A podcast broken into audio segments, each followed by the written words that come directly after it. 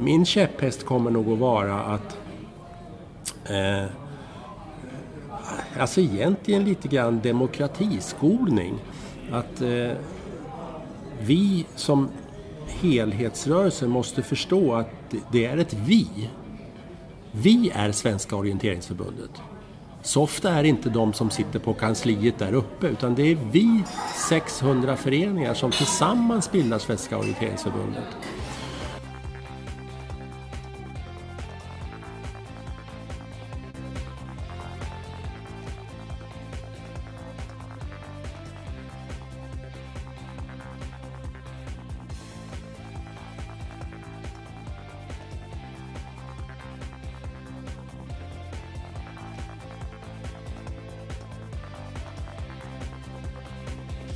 Välkomna då till ett nytt avsnitt av Radio O-ringen Podcast. Det här är nummer 99 i ordningen.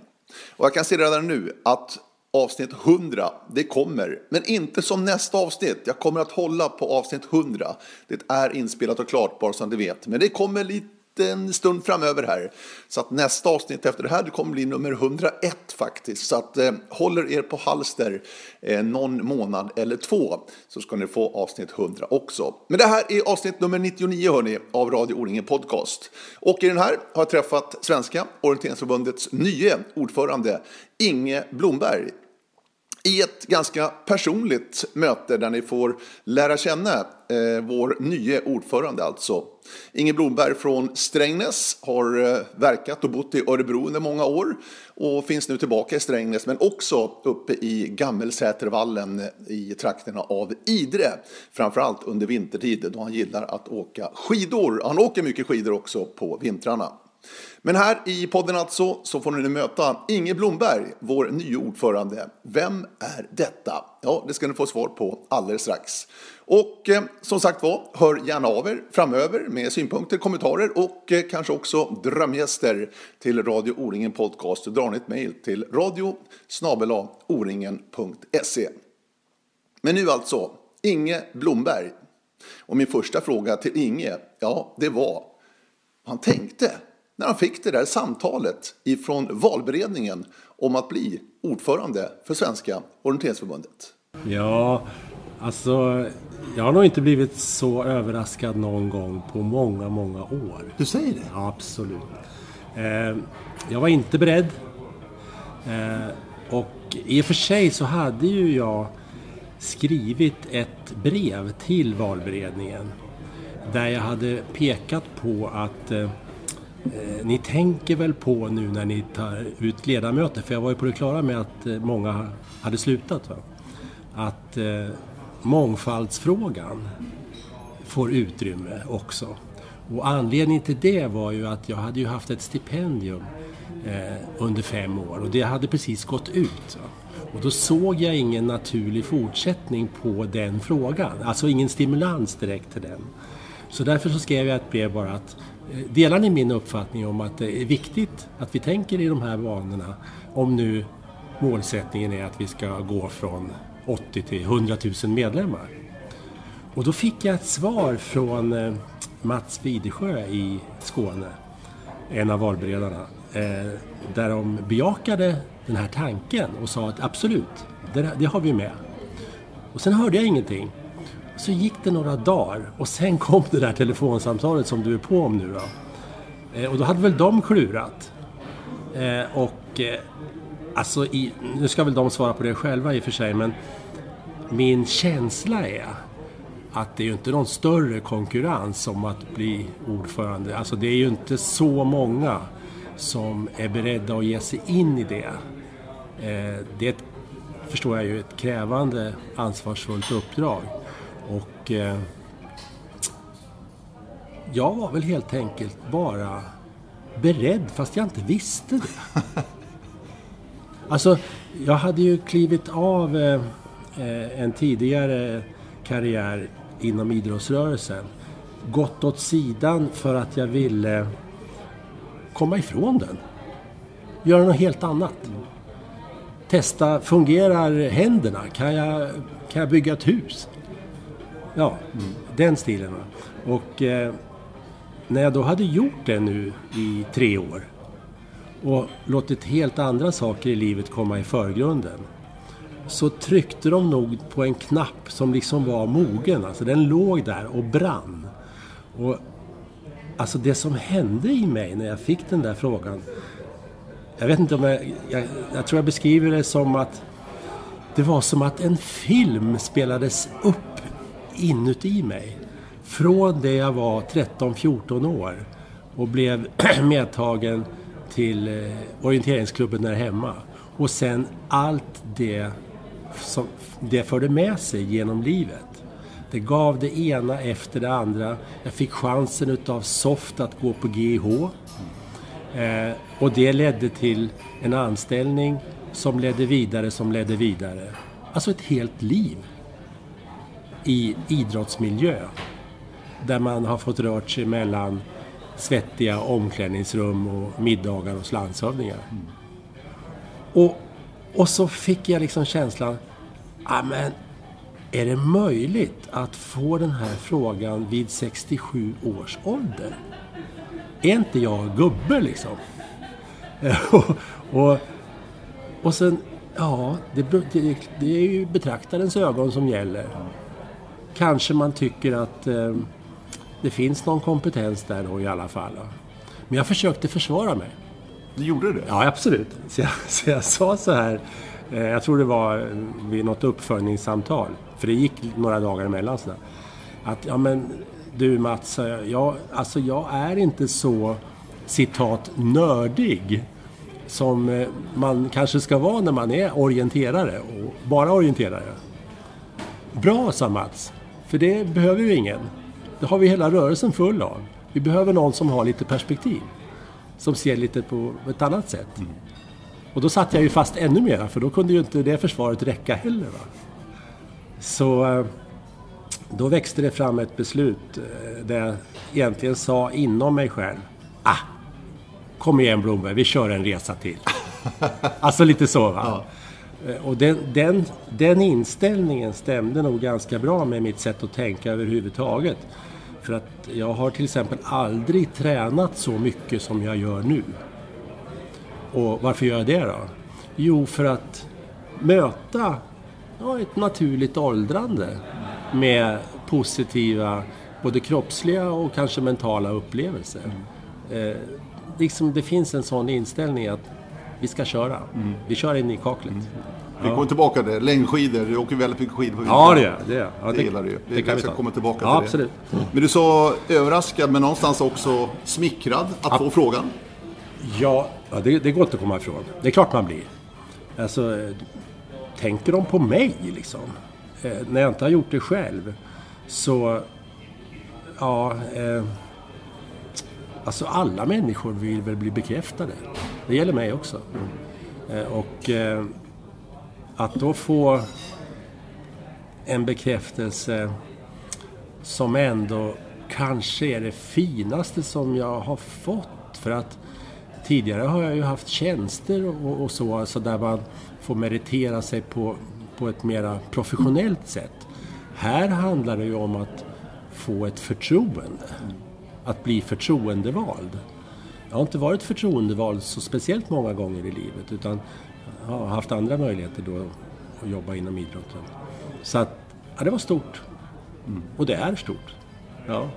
Och det ska vara stort. ja. Så att säga grattis är helt okej? Okay. Absolut, absolut. Ja, ja. Sen Kul. förstår jag också att det är inte bara att representera och dela ut priser på Swedish League utan det finns många frågor som kommer att göra att nattsömnen störs mm. och mm. svårigheter att balansera hur man ska förhålla sig. Så. Men det, det är jag klar över.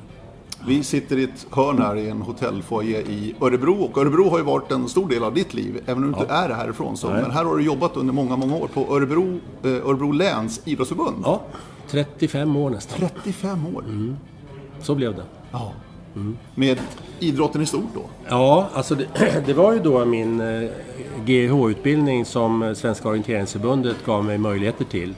Som ledde till att jag fick eh, eh, 79-80 där i årsskiftet eh, en tjänst som friskvårdskonsulent.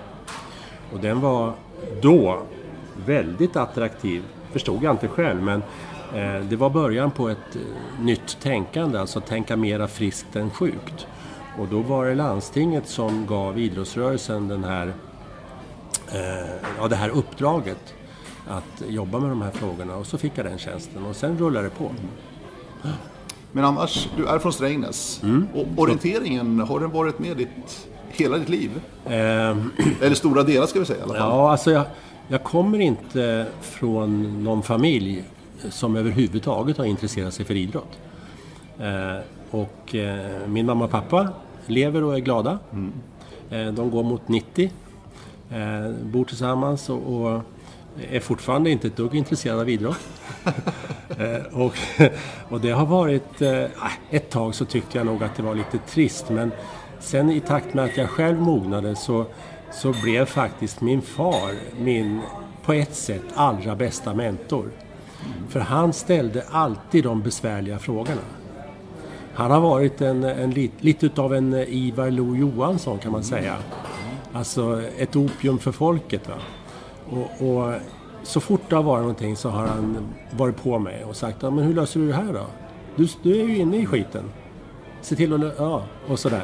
Och det har triggat mig. Eh, och det har också eh, tvingat mig att eh, lyfta perspektivet till att titta lite utifrån.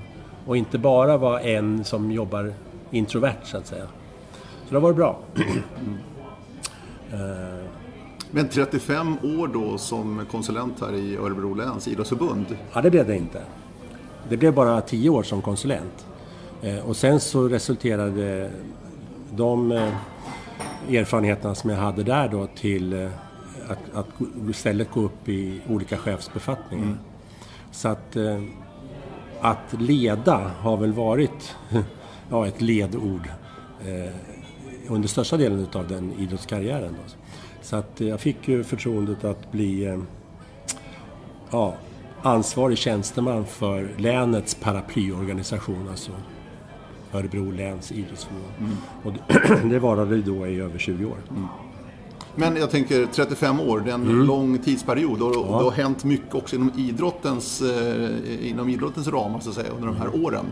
Eh, vilken är den stora skillnaden liksom från, om när jag pratar med dig började du, det är liksom 70-talet någonstans? Ja, det är slutet på 17. Ja, exakt. Slutet på 70-talet fram till nu, 2000-talet. Det har hänt enormt mycket. Ja, det har det Vilka är de stora, vad är det som händer, vad är det som har hänt med idrotten generellt och i stort så att säga under de här åren egentligen? Får, man, får vi jobba mer, alltså vi ledare, ni som jobbar med idrotten, får man jobba mer liksom för att alltså det, aktivera ungdomar och annat? ja, alltså det, det ideella ledarskapet har i alla fall förändrats till sin karaktär. Eh, de här eh, trygga ledarna som, som gav sitt liv från start till mål, de ser vi ju inte så ofta längre. Utan eh, den sammanlagda frivilliga så att säga, arbetsinsatsen är faktiskt större än vad den var i det perspektivet som du frågar efter. Men det, ser, det är organiserat på ett helt annat sätt så att de flesta är ju idag ledare under en kortare tidsperiod. Eh, det är mera kopplat till den perioden när man har egna barn. Eh, det är ett större antal kvinnor, även om det inte är tillräckligt. Eh, så det är fler som delar på bördan så att säga, eller på glädjen skulle jag snarare vilja säga, än vad det var tidigare. Så det är väl en, det är väl en stor förändring. Men sen ska du veta att jag har ju många gånger funderat på nu när jag har fått det här perspektivet då. Vad har jag gjort egentligen? Alltså har jag uträttat någonting? För att samtidigt som jag då har jobbat med eh, i många stycken den hälsoinriktade idrotten så kan vi ju utläsa att folkhälsan har inte blivit bättre. Utan det, det är till och med så ju att man kan se att klyftorna i samhället i många stycken har vidgats. Och det är klart att då ställer jag mig frågan, har jag bara under 35 års tid jobbat för att stärka de som redan var starka? Och inte lyckats med uppdraget att eh, få med de andra? Och då blir man ju lite eh, små besviken alltså. Va? har vi inte kommit längre. Så när jag är lite så här, lite pessimistisk då i min analys så, så säger nog folk runt omkring mig, ja men glöm inte att hade vi inte gjort de här insatserna så kanske det hade varit ännu sämre. Ja okej okay då.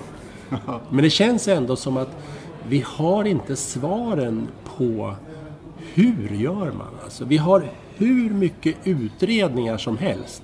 Rapporter som bekräftar tidigare sanningar som blir identiska med året före, med året före. Men vi har få svar på hur-frågan. Eh, hur ska vi gå tillväga i praktiken? Mm. Och du pratar om perspektivet då, utanför perspektivet. Om du har då tittat in i orientering då mellan varven här liksom i ditt värv som idrottschef och mm. konsulent här på mm. Idrottsförbundet till exempel. Mm. Vad har du sett då av idrotten och orientering?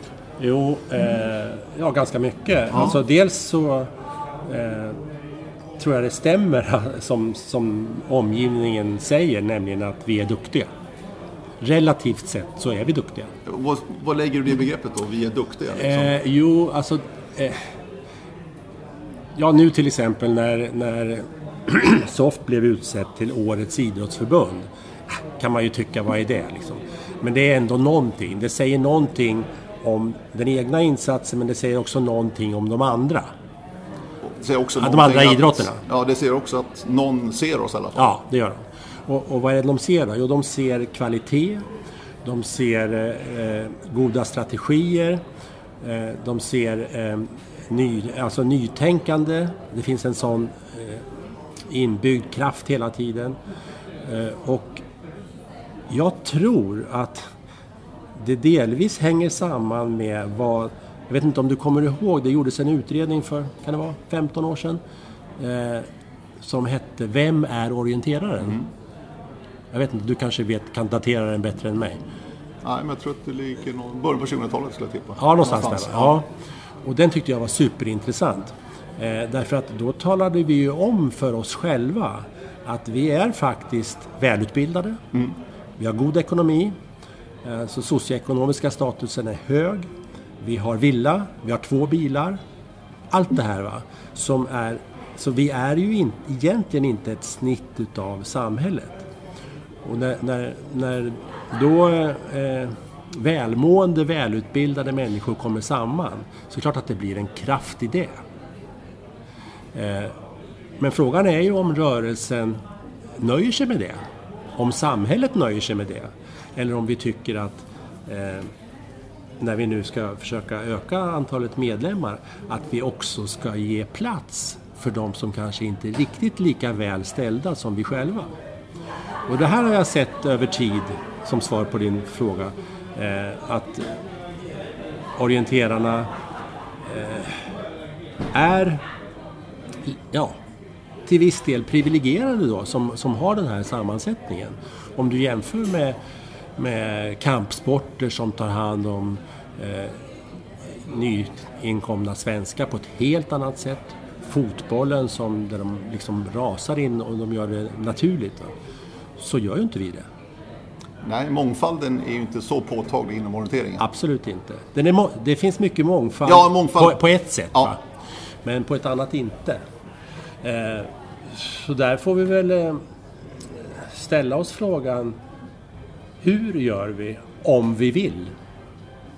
Och eh, ska man gå från 80 till 100 000 medlemmar så, så har väl jag i alla fall i, i, i min tanke att det kan väl vara en, ett mål i sig att försöka ändå spegla hur snittet på det samhälle som vi verkar i ser ut. Mm.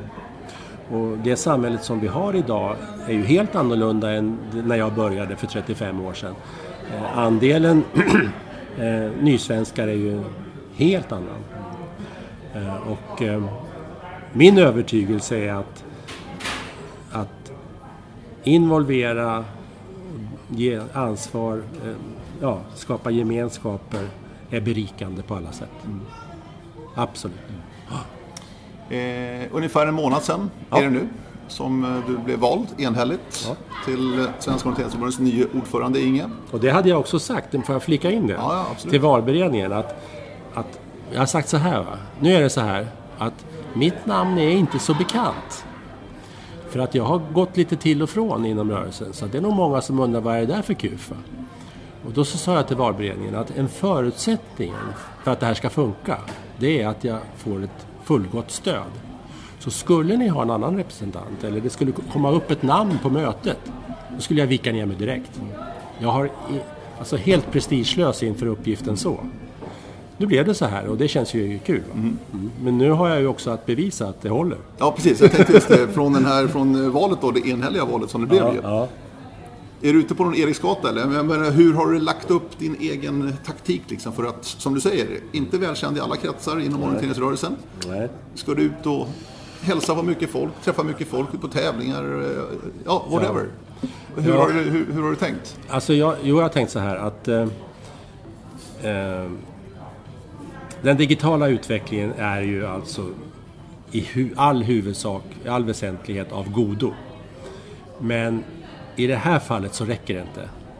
Utan du måste titta folk i ögonen. Du måste möta människor där de är. Och då betonar jag det, där de är. Inte där jag är. Eh, så att det är bara att ta skeden i vacker hand ut på cykeln eller tåget eller bilen som det nu var senast i helgen här när jag åkt fram och tillbaka till Skåne. Eh, och eh, möt, träffa vanligt folk. Så jag har stått i tre dagar nere på Swedish League och eh, naturligtvis träffat distriktsföreträdare. Men också igår hade jag ett jättesamtal eh, som var hur bra som helst med ordföranden i Örkelljunga. Som själv är bonde och markägare och som beskrev problematiken utifrån dubbla perspektiv. Han hade koll. Han hade koll precis på hur han behöver tänka för att han ska få sin gård att gå runt. Och han hade koll som orienterare, ledare och pappa till duktiga ungdomar. Och det där tycker jag är... Då är jag riktigt nöjd med ett samtal när man får till det. För att eh, är det någonting som jag, som jag tror på så är det att vi måste vara ödmjuka och verkligen förstå vad andra har för perspektiv på vårt beteende. För gör vi inte det, då kan vi inte heller förstå oss själva. Alltså vi, vi måste sätta oss in i hur de tänker. Sen behöver vi inte vara överens, men vi måste förstå vad de, hur de tänker. Och det är lite av en nyckel.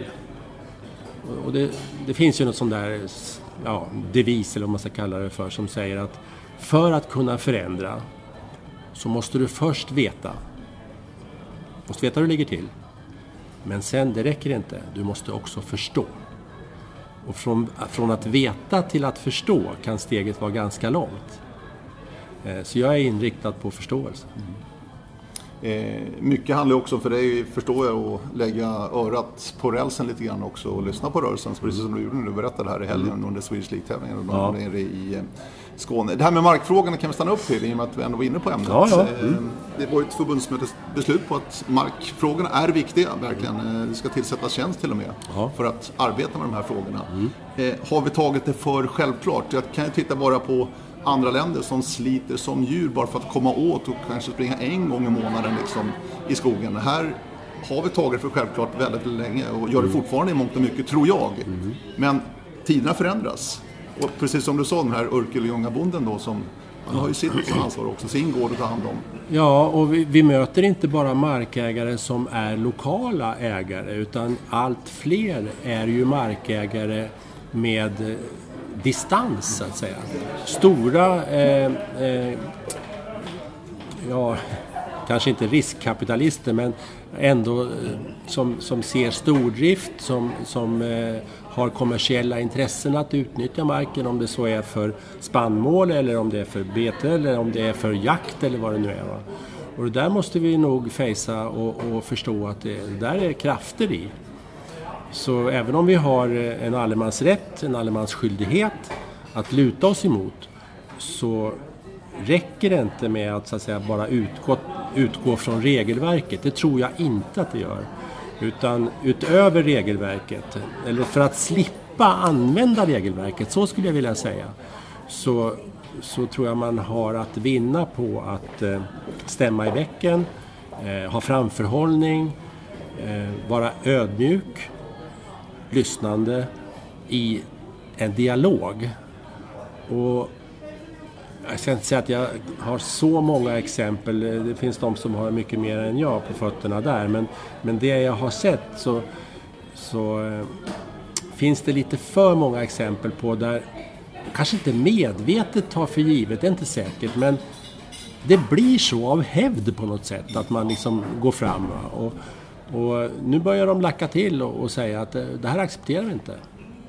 Men när vi väl får komma till sittning Eh, och lugnt och sakligt förklara eh, så brukar det ju ofta lösa upp sig då. Sen finns det en och annan som eh, ja, har, tycker, tycker sig ha skäl för att vara nästintill rabiata. Och det kanske inte går att göra så mycket åt då, men, men i de flesta fallen så tror jag man kan lösa det med goda samtal med god framförhållning. Men det räcker inte med att bara säga så då, utan eh, Eje Andersson, min kollega i styrelsen till exempel, tycker jag, alltså det arbete han har gjort de senaste åren, som nu ligger i dokumentation, är så otroligt värdefullt. Och det är egentligen färdigt för att använda både internt som utbildningsmaterial och externt mot länsstyrelser, mot kommunala företrädare, mot eh, intressegrupper i samhället. Eh, så det handlar egentligen bara om eh, hur ser vår strategi ut för att få ut det här?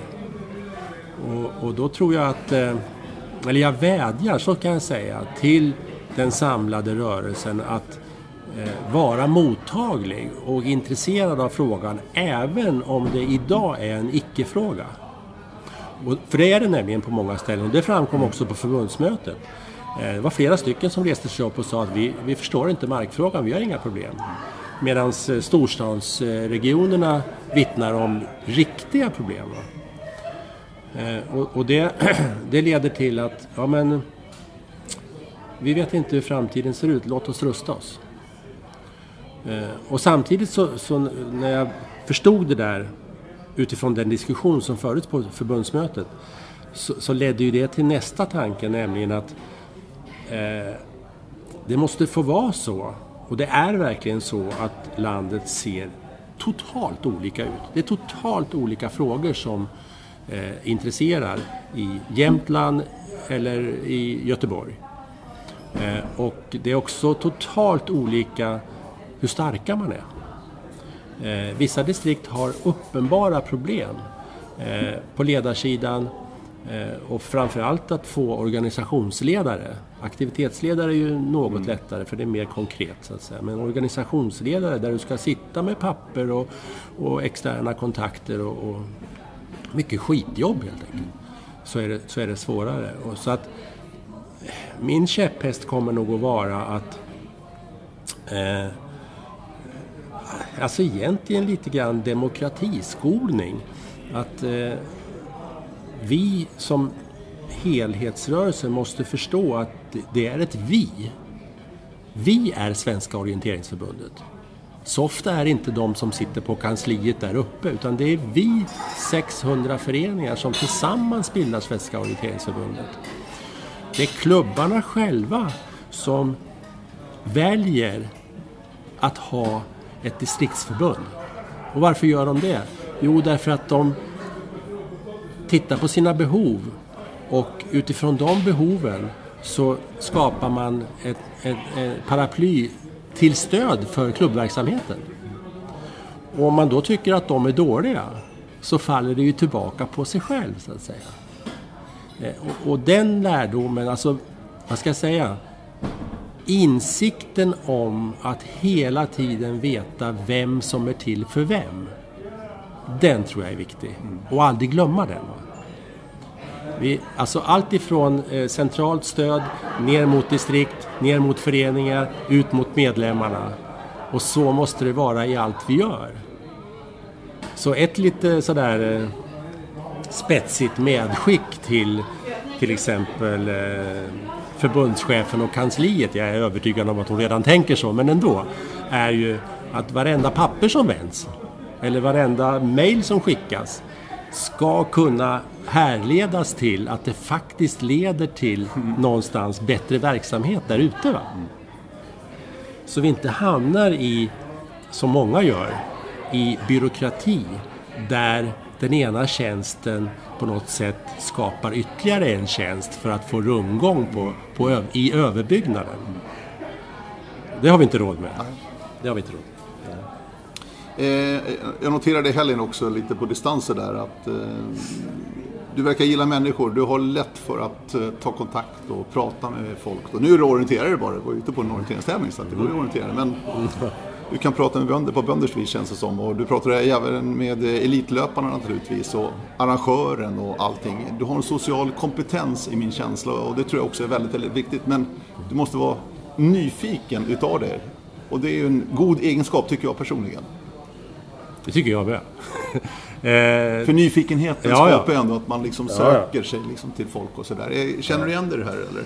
Absolut, alltså det är, roligt, det är väldigt roligt att höra. Eh, för det är ingenting som jag går omkring och tänker på utan man, man formar ju sin personlighet eh, alltifrån barnsben genom de erfarenheter man gör i livet. Och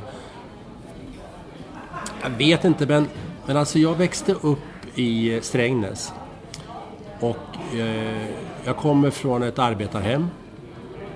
Eh, pappa var vad man då och kanske nu också kallar för gråsosse. Eh, och eh, Strängnäs är och var en ganska konservativ stad med militär, kyrka och ett stort mentalsjukhus. Det var de tre som dominerade. Och i, jag fick möjlighet att eh, gå på realskola, vilket inte alls var givet i ett arbetarhem.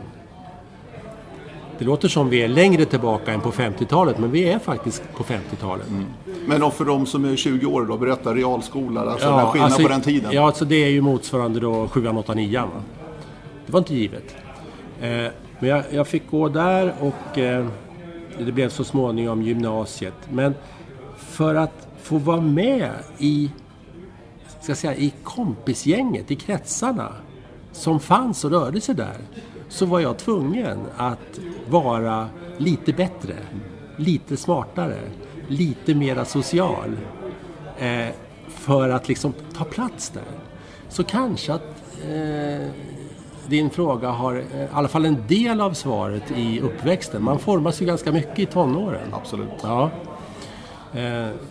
Så, och det gick väl hyfsat då. Men sen har jag ju... Alltså, det är hårt arbete, det är den hårda skolan. Alltså, i, i, mitt, i min tjänst på Örebro läns idrottsförbund så har jag ju verkligen fått, och jag älskar det, att gå från kontrast till kontrast så att säga. Från, alltså in i skiten i omklädningsrummet. Eller på med våtklutet och fram med ostmackan ute i busken. Va? Och så på kvällen ta på dig en vit skjorta och sätt dig hos landshövdingen och diskutera de övergripande frågorna. Och sen tillbaka ut i skiten igen. Alltså, det, alltså den förflyttningen tycker jag är helt underbar. Mm. Eh, och, och, den är så, så få förunnat. De flesta lever ju faktiskt i, i kretsen utav en, en ganska smal krets va, och rör sig där. Men hela mitt liv har, har sett ut så att jag har fått de här kasten.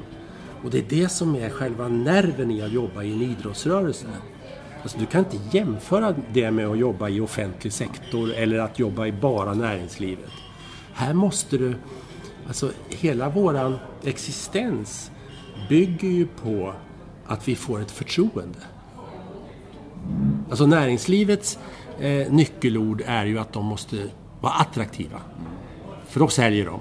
Och så får de svarta siffror på sista raden. Eh, vi måste få ett förtroende och skapa ett engagemang. Engagemang kanske är ett ännu bättre nyckelord. Mm. Eh, och det har jag fått jobba med hela livet. Ja, tack, säger jag bara. eh, det konkret då, du har ju haft två stycken, vad ska jag säga, prao-perioder här de senaste 6-7 åren då. Aha. Innan du blev ordförande här i Svenska Orienteringsförbundet. Jag tänker på generalsekreterarjobbet här i Örebro, O-ringen, 2010. Mm. Som du eh, hoppade på. Mm. Eh, det blev en förändring i den organisationen men eh, du tog, du, du tog dig an det jobbet helt enkelt. Och sen då efter det så kom också O-ringen-utredningen då där du tillsammans med Göran Nilsson skulle titta på förutsättningarna om mm. O-ringen skulle eh, bli ett aktiebolag helt enkelt. Mm. Men vi börjar med 2010, mm. det uppdraget, för att då var du ju rätt in i rörelsen och ett stort evenemang här i Örebro. Ja, alltså... Hur gick det där till? ja... För du satt väl som idrottschef då? Ja, visst gjorde jag det. Och eh, alltså det var ju... Eh, sett med facit i handen så var det ju väldigt tragiskt egentligen därför att Eh, den fantastiska orienteringsledaren som gick åt sidan, det var ju Hans Haxell som hade lett flera O-ringen tidigare. Eh, och många andra arrangemang också. Eh, han ställde sin plats till förfogande av, för att vara med sin familj, med sin fru som blev sjuk och det fanns några andra skäl också. och jag kände Hans väldigt bra. så att när jag fick frågan utav eh, de som fick till uppgift då att ersätta Hans eh, så var det inget problem för honom, tror jag. För jag kände det inte så. Han hjälpte mig igång faktiskt. Eh, på allra bästa sätt. Men det, fanns, det hade hunnit bli en del eh, debacle i organisationen som vi var tvungna att först lösa upp. Och, och, det var svårt och det var krävande men det var också någon, Det är ju alltid så med sånt som är svårt och krävande. Det finns en plussida. Mm. Alltså det ger en Ja, alltså... Vad ska jag säga att det ger egentligen? Det ger själva livet. Ja. Kan man säga så? Ja. Man är levande. Ja. ja. Man är rätt nöjd efteråt. Ja, det är man verkligen. Mm. Så att eh, jag hade ju en förstående arbetsgivare. Eh, de förstod att, att få och genomföra ett O-ringen i en stad som Örebro det ger en turistekonomisk effekt på 100-150 miljoner. Det ger en väldigt god bild av vad idrotten kan göra i samhället. Så hela idrotten var överens om att vi släpper chefen för de här 8-9 månaderna vad det blev. Eh, för att göra det här. För det har vi alla glädje av. Så jag fick tjänstledigt. Så jag var ju väldigt privilegierad egentligen som hade betalt som eh, GS under den här perioden. Eh, och bra betalt dessutom. Mm. Så det gick ingen nöd på mig så. Utan, eh, men då fick jag smak på att... Du, du har inte varit inne liksom monitering så, så, inte på det, för, inte det sättet, men liksom du, du var idrottschef och... Ja, alltså det, det, var så här vet du att jag drog mig lite grann för att engagera mig i någon speciell idrott. Och skälet till det var ju att jag satt ju som ansvarig för alla idrotter. Och jag ville inte för mitt liv få eh, påpekat att jag favoriserade eller att det tolkades som att jag favoriserade. Så det var mycket skälet. Hade jag inte haft det jobbet hade jag säkert varit mycket mera på alltså, under tiden. Eh, men det är ju, icke förty så, så eh, hade jag ju koll på orienterarna och jag menar med i Skogskarlarnas klubb och, och ute på sådana arrangemang och sprang lite själv och så. så att jag var inte borta. Men eh, jag var inte nörd. Men hur var det att ge sig in i O-ringen, arrangemanget, eventet? För att det är så mycket mer än kartor och orientering. Det är ja. väldigt, väldigt mycket mer än en O-ringen stad centralt här i ett Örebro som det byggs ju överallt i princip i den här staden känns som. Ja, men, ja så är det ju. Nej men alltså jag, jag är och, och lärde mig för rätt många år sedan att vara trygg med mina medarbetare. Så att jag har aldrig känt att det, det vilar på mig på det sättet. Och jag vet, är också väl medveten om att det är massor av folk runt omkring mig som är mycket mer kompetenta än vad jag är. Och framförallt i sina specialområden men kanske även på andra områden. Jag har inget problem med det. Utan eh, jag känner mig trygg med att veta vad jag själv kan men också att veta vad jag inte kan. Eh, och det är, väldigt, det är gott att ha den mm. känslan i kroppen. Har du samma inställning nu då? Absolut. Så att du är liksom den som styr den här marionettdockan lite grann och drar i rätt snöre hela tiden så att den armen rör sig och den armen rör sig. Förstår du vad jag tänker lite grann? Ja, jag har ganska, tycker jag själv, bra intuition.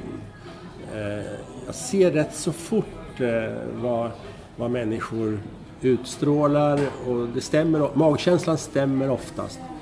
Eh, och kan ganska snabbt med bara några frågor eller kanske ett kortare samtal känna in vad, vad har jag för människa här bredvid mig. och, och det stämmer verkligen med eh, att ha fått träffa de nya ledamöterna i styrelsen. Alltså det här är en, det här är en vass styrelse ska du veta. Och det var en hel del helt nya ansikten och Ja, ja. Alltså jag är så glad. Vi har fått in... Eh, ja, jag lyfter gärna fram tre tjejer. Ja, gör det. Maria Kraft Helgesson, nu vice ordförande. Alltså bättre meritlista än vad hon har kan man inte ha. Och där kan du snacka om socialt kompetent. Och också tidigare GS O-ringen. Ja, visst, ja, visst. Och erfarenhet för, för att jobba med funktionsnedsatta på olika sätt. Hon sjunger, hon uppträder, hon spelar. Hon är så bred. Va? Och sen en riktig orienteringsentusiast. Ja, det känns... Där, där har jag en parhäst. Och hon är också det internationella förbundet Ja, i. Foto I foto, ja, precis, precis. Också viktigt för styrelsen kan jag tycka. Absolut. absolut. Jag fortsätter på din eh, tjejlista här. ja, men Linda Take från eh, eh, Karlstad. Eh, Alltså, stor eh, koncernchef med en massa egna bolag under paraplyt Blue Future. Eh, med människor i Singapore, bort i världen överallt. Eh, innovationsarbete, van att tänka i näringslivstermer, ledarskap. Ah, jag menar, tack säger man ju bara man får in den typen av kompetens i vår rörelse. Annette Önnerud. 26-27 år någonting är hon bara. Alltså, så analytisk, så strukturerad och eh, eh, nu mogen att gå in och ta ett ansvar i en, i en förbundsstyrelse. Efter att tidigare ha synts på Alternativet ganska mycket och eh, eh, ger sig nu med, kommer och säger ja, men är det möjligt för mig att vara med på SOKs årsmöte? Jag vill veta och se hur det går till. Eh, ja, klart att det är. Allt är möjligt. Ja. Så att, Sitter även med i Stockholms orienteringsförbunds styrelse. ja, ja, just det. Ja, det stämmer. Ja. Och sen Patrik Elving som också är ny då. Eh, som ju, ju kanske mest känd för att tidigare vara VD på Silva. Eh, och han var ju på direkt när, när eh, han blev vald nu och var intresserad av, jag ser att den här tjänsten som marknadsansvarig är på väg ut. Hur har ni tänkt där? Jag tror jag har lite synpunkter att framföra här för jag har nämligen suttit på andra sidan skrivbordet tidigare. Kanske det kan vara av intresse för rörelsen? Klart att det kan. Välkommen Patrik! Alltså, nej, det är guld. Det är guld. Och dessutom då, eh, jag, ska inte, jag behöver inte räkna upp alla, men, men tryggheten och kontinuiteten i att vi har Vivian och Roland och Sten och Eje kvar. Va? Ja, det är bra. Det är, det är bra. Alltså. Men, men vad ser du framför dig? Ser du liksom vissa prioriteringar vad det gäller din, jag säger din styrelse, men Svenska orienteringsförbundets styrelse då med dig som ordförande? Vad ni har framför? Så Har du hunnit suga in det, läsa in det lite grann? Vad, vad du känner själv i det här läget? Nu är du väldigt ny på det här, i, Ja, i den här rollen. Ja, alltså nu är ju det här en, ett samtal som vi för där du, där du liksom frågar lite grann mig som person. Ja. Men, och därför så vill jag egentligen säga att så jäkla intressant som person är jag inte. Därför att vad vi som styrelse har att uträtta, det är att verkställa det rörelsen har sagt att vi ska göra. Och det har de gjort nyligen på ett förbundsmöte, så det är bara att titta på hur beslutslistan ser ut där. Eh, och, och, då eh, vet vi att eh, vi ska bli mer och fler. Eh, vi ska ta tag i markfrågan och där måste vi slussa ut kompetens. Eh, vi har eh, en signal från förbundsmötet som jag inte nonchalerar. Nämligen känslan utav att öppenheten skulle kunna öka lite. Eh, det var ingen ordväxling direkt, men det fanns embryon av, jag ska inte säga misstänksamhet, men ändå en önskan om att öppna upp. Vad gör bolaget O-ringen? Är det genomlyst utav oss alla? Eh, nu vann eh, eh, med en röst marginal tror jag frågan om att, att inte väcka frågan, alltså hundraprocentigt. Men signalen från halva förbundsmötet om att ja men titta på det där.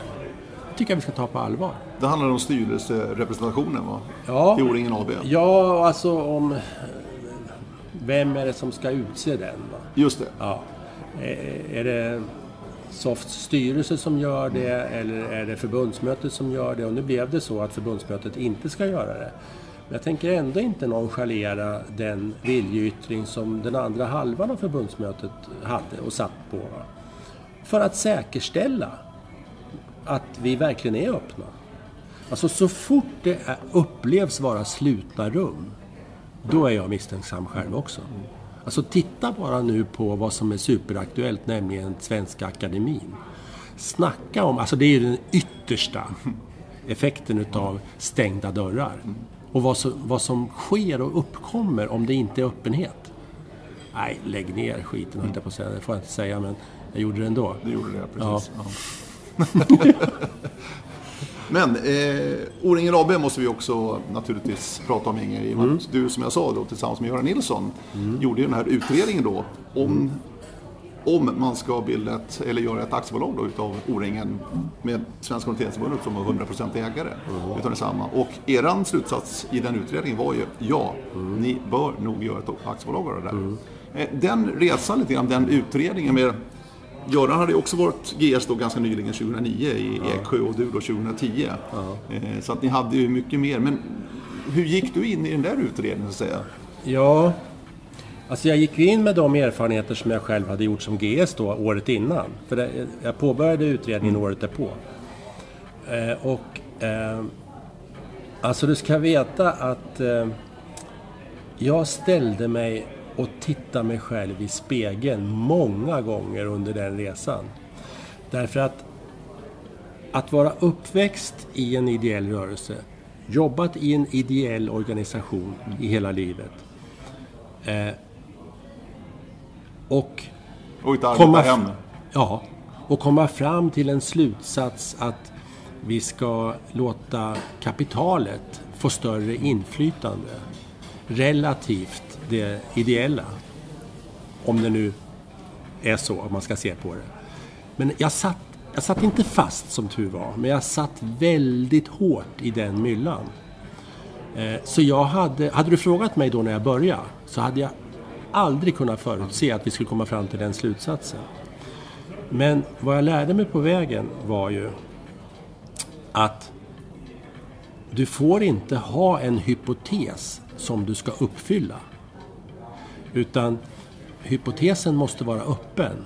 Och sen måste du göra en analys utav hur omvärlden ser ut, hur vi själva ser ut och dra slutsatserna objektivt utifrån de fakta som du faktiskt får fram.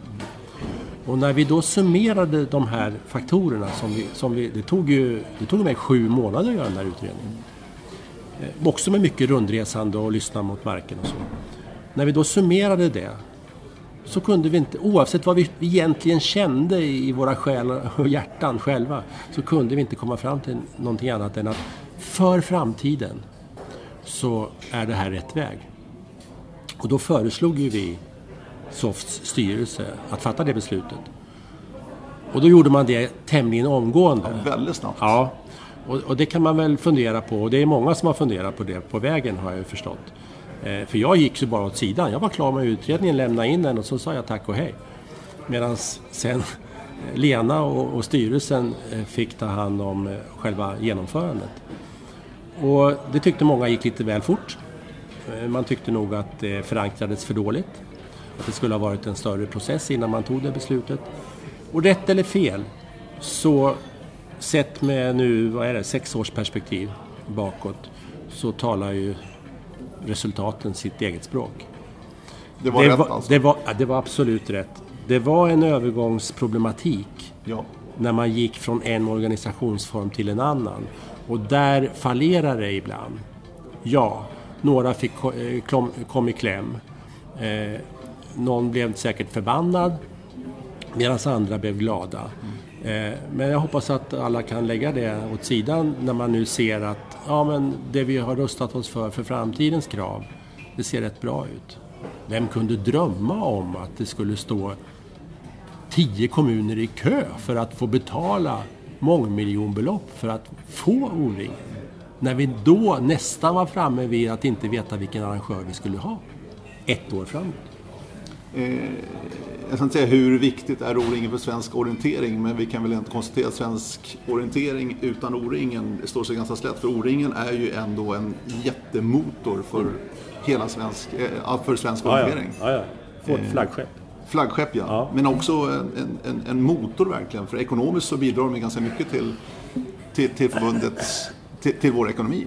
Ja, alltså, som det ser ut idag så eh, genererar det väl ungefär 2,5 mille eh, för varje arrangemang då till, till svensk orientering, alltså i form av förbundspengar.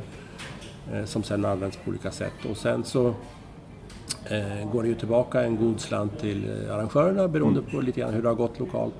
Och naturligtvis måste O-ringen själva, O-ringen AB själva, eh, ha drift för sin professionella verksamhet. Men där vill jag ju verkligen passa på att säga att, att eh, Stefan Blomgren som ordförande och, och, och, Henrik Boström som VD med personal, eh, de har haft ett tufft jobb.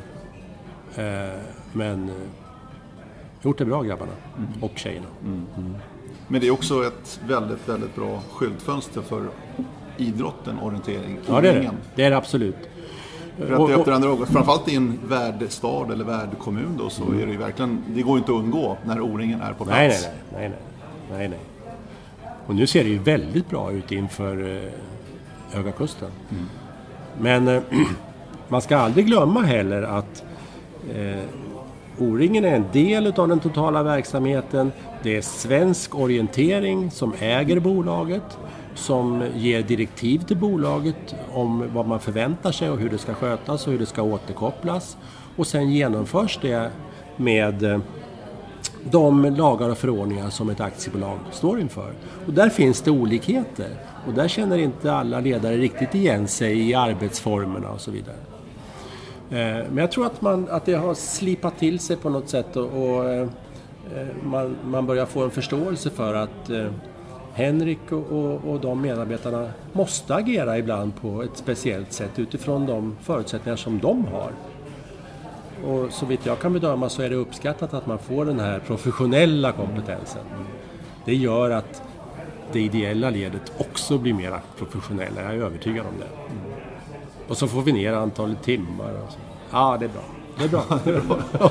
Känner du dig nöjd personligen också efter den här utredningen då, att det har blivit så pass lyckat ändå, den här det är klart jag gör. bolagiseringen av O-ringen? Ja, det är klart jag gör. Efter, eller vad ska jag säga, för ett och ett halvt år sedan tror jag det är. Mm. Då skrev jag ett mail till Henrik. Och så skrev jag, du, jag har inte egentligen fått någon vederhäftig återkoppling på alla de attsatser som Göran och jag tog fram. För det handlar ju inte bara om bolagiseringen.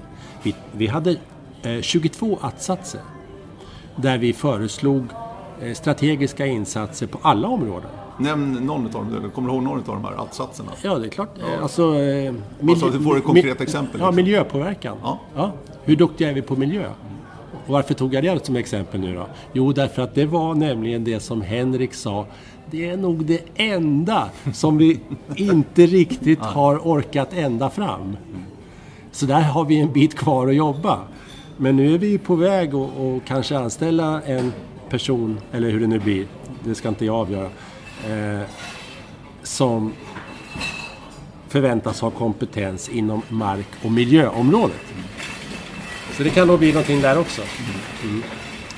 Du, eh, vi ska runda av det lite grann. Jag tänkte bara slänga upp ett namn så här. Ja. Gammelsätervallen. ja. Vad betyder Gammelsätervallen för dig, Inge? Det har blivit mitt hem. Ja. Eh. Berätta hur det här gick till. Eller ska vi börja så här istället? Ja. Vi pratar ju om skidor här och du tränar mycket och åker skidor på vintern. Ja. Alltså. Men fjällen och friluftsliv och sånt där, det har ju varit en stor del av ditt liv också. Ja, absolut. Mm. Ehm, och jag har i och för sig kommit till, till de delarna utav eh, vårt land via orientering. Ehm, alltså det var ju så på 70-talet tidigare också att Vålådalen var ju idrottens paradis. Verkligen. Ja. Så jag var ju i Vålådalen både ja, då och nu, mm. hur mycket som helst. Mm. Tillbringade hela somrar där. Eh, så så då, det var väl kanske lite grann där föd, som det föddes. För jag, när jag växte upp så fanns inte varken ekonomi eller intresse för att åka till fjällen. Inte ens till någon backe några mil bort. Så det, jag såg det som någonting lyxigt, liksom, att få uppleva det. Och så fick jag det genom, också genom idrottens försorg. Då. Det är ju lyxigt. Ja, det är lyxigt. Ja, det är jävligt lyxigt. Ja. Eh, så att då tänkte jag så här, eller jag och eh, eh, min eh, dåvarande fru, mamma till mina barn, att eh, ah, tänk om vi kunde bjuda våra barn på någonting annat än vad vi själva blev bjudna på. Att man liksom går framåt ändå. Så det var som en dröm att skaffa någon liten fjällstuga. Så lyckades jag göra det, eller vi, eh, i mitten på 80-talet. Och det var en bit ifrån Gammelsätervallen som ligger lite norr om Idre. Strax innan Nipfjället. Ja, strax. Eh, och för många orienterare är det här bekant orienteringsmark eftersom Kartbosse och Idreveckan arrangeras där varje år eh, runt midsommar. Ja, det är ju den här svåraste etappen. Alltså den sluttningen, du bor ju i den sluttningen. Jag bor i den sluttningen. Ja, exakt. Så där Kartbosse eh, från Leksand har gått i, kan det vara 46 år? Ja, någonting sånt. Något sånt där. Ja. Ja. Eh, och lagt hur många tusen timmar som helst på att planera för orientering. Och rita kartorna. Och rita kartan. Mitt på den kartan, där bor jag nu. Så att eh, det har blivit eh, några stugor med eh, tillsammans 30 bäddar. Jag hade besök av eh, orienteringslandslagen för ett par år sedan. Ja, det minns jag. Ja, det. kom på skidor dit. Just det. Ja, Håkan och, och gänget kom. det var kul. Eh, men det är nu en, en utgångspunkt för egen träning. Eh, att bjuda mina barn med deras familjer att få vara där och hyra ut en och annan stuga någon gång när det passar. Eh, och få... Alltså jag går ju precis lika gärna ut i gammelskogen. Ja, du som, som känner till området vet ju att eh, det finns ett namn där på en triangel, nämligen Bermuda-triangeln, som är så svår. Mm. Så att man har tagit det namnet för att är man lost där, då är man lost. Liksom. Ja, det är den här sluttningen jag pratar om. Ja, precis. Ja. Mm. Gå ut och ställa sig där och känna att ja, men jag är nog den första som står här på åtminstone 300 år. Alltså lite den känslan. Va? Det är för mig precis lika stort som att eh, eh, vandra med fjällvidderna. Det är två olika saker men lika stort. Och Att då få både och där, det, ja, det är guld. Så att jag har, jag har liksom successivt tagit mig in i fjällkänslan. Dels genom det jag har beskrivit här via Vålådalen men också via litteraturen faktiskt. Jag, eh, jag har mött eh, Dag Hammarskjöld. Eh, som ju kanske är mest känd för sin, eh, sitt fredsarbete och som FNs generalsekreterare. Eh, han gick bort 61 i en eh, flygolycka. I Afrika. Ja, om det nu var en olycka. Det tvistar man fortfarande om. Men det är inte så många vet om Dag Hammarskjöld är att han var ordförande i STF, Svenska Turistföreningen. Han var en fjällvandrare som sökte sig upp i de miljöerna så fort han hade någon möjlighet att koppla av. De var inte så många men han kopplade verkligen av. Och det verkligen inte folk visste var att han skrev ner sina iakttagelser och han gjorde det på ett mycket andligt och mystiskt, filosofiskt sätt. Och den där andligheten med koppling till naturen, mystiken och de filosofiska funderingarna, de har passat mig som handsken. Så att jag har säkert eh, 30 böcker utav Dag- Dag Hammarskjöld eller, eller också sådana som har betraktat eller försökt tolka hans alster. Va? Som jag dyker ner i när, jag bör, ja, när det börjar snurra i huvudet. Inte vet jag om det hjälper men, men eh, det ger mig tillfredsställelse att vistas i naturen och samtidigt ta in det filosofiska perspektivet på den vistelsen. Det gör jag. Och någonstans här, Gammelsätervallen, Strängnäs, där du har din hemadress egentligen. Mm. Ja, just det. Och nu eh, ordförande då i Svenska Orienteringsförbundet. Du kommer att få ihop ditt liv framöver. Du Kommer du hinna med allting? Ja, det tror jag. Jag är ju pensionär. jo, det låter inte riktigt som det. Men... Nej, jo men alltså att... Eh, för det första är det här självvalt. Alltihopa är självvalt. Absolut. Och allt som är självvalt, det är mycket lättare. Mm. Eh, sen när man inte behöver gå till ett lönearbete så har du en frihet i att kunna planera. Och eh, det visar sig ju nu att det är ju inte mig det hänger på om vi hittar tidpunkter för möten. Utan det är nog de andra som har mycket, mycket svårare. Jag säger att bestäm ni, jag tror att jag kan. Eh, men sen så får man ju inte, även om jag känner att jag går all in nu, så tror jag det är viktigt att man ändå balanserar livet med andra aktiviteter också. Man får ju inte bli eh, helt livegen i sitt uppdrag. Det tror jag inte är bra. Nej, jag är inte orolig för det alls. Och jag är framförallt inte orolig för... för numera så, så har jag, kanske som du faktiskt, eh, inte behov av att ha någon absolut fast punkt fysiskt.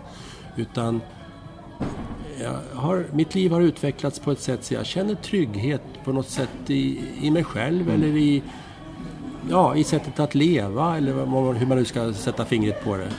Så, så jag behöver inte det där utan ja, det, jag är väldigt nöjd med den känslan. Ja. Känner igen mig? Ja, du gör det va? Ja. ja. Inge Blomberg, stort tack! Fantastiskt trevligt. Ja, tack själv. Ja. Och eh, jag vet inte om man ska säga lycka till, men eh, jag gör det. Det får du gärna göra. I ditt värv här som ordförande för Svenska Orienteringsförbundet. Det tackar jag för. Ja. Ja, kul. kul att ni lyssnade hörni. Eh, Radio O-ring Podcast kommer tillbaka framöver. Det här var avsnitt 99. Eh, bara så att ni vet, det kommer ett hundra här framöver. Eh, hör gärna av er, radio snabel är adressen som vanligt. Ha det bra, hej då!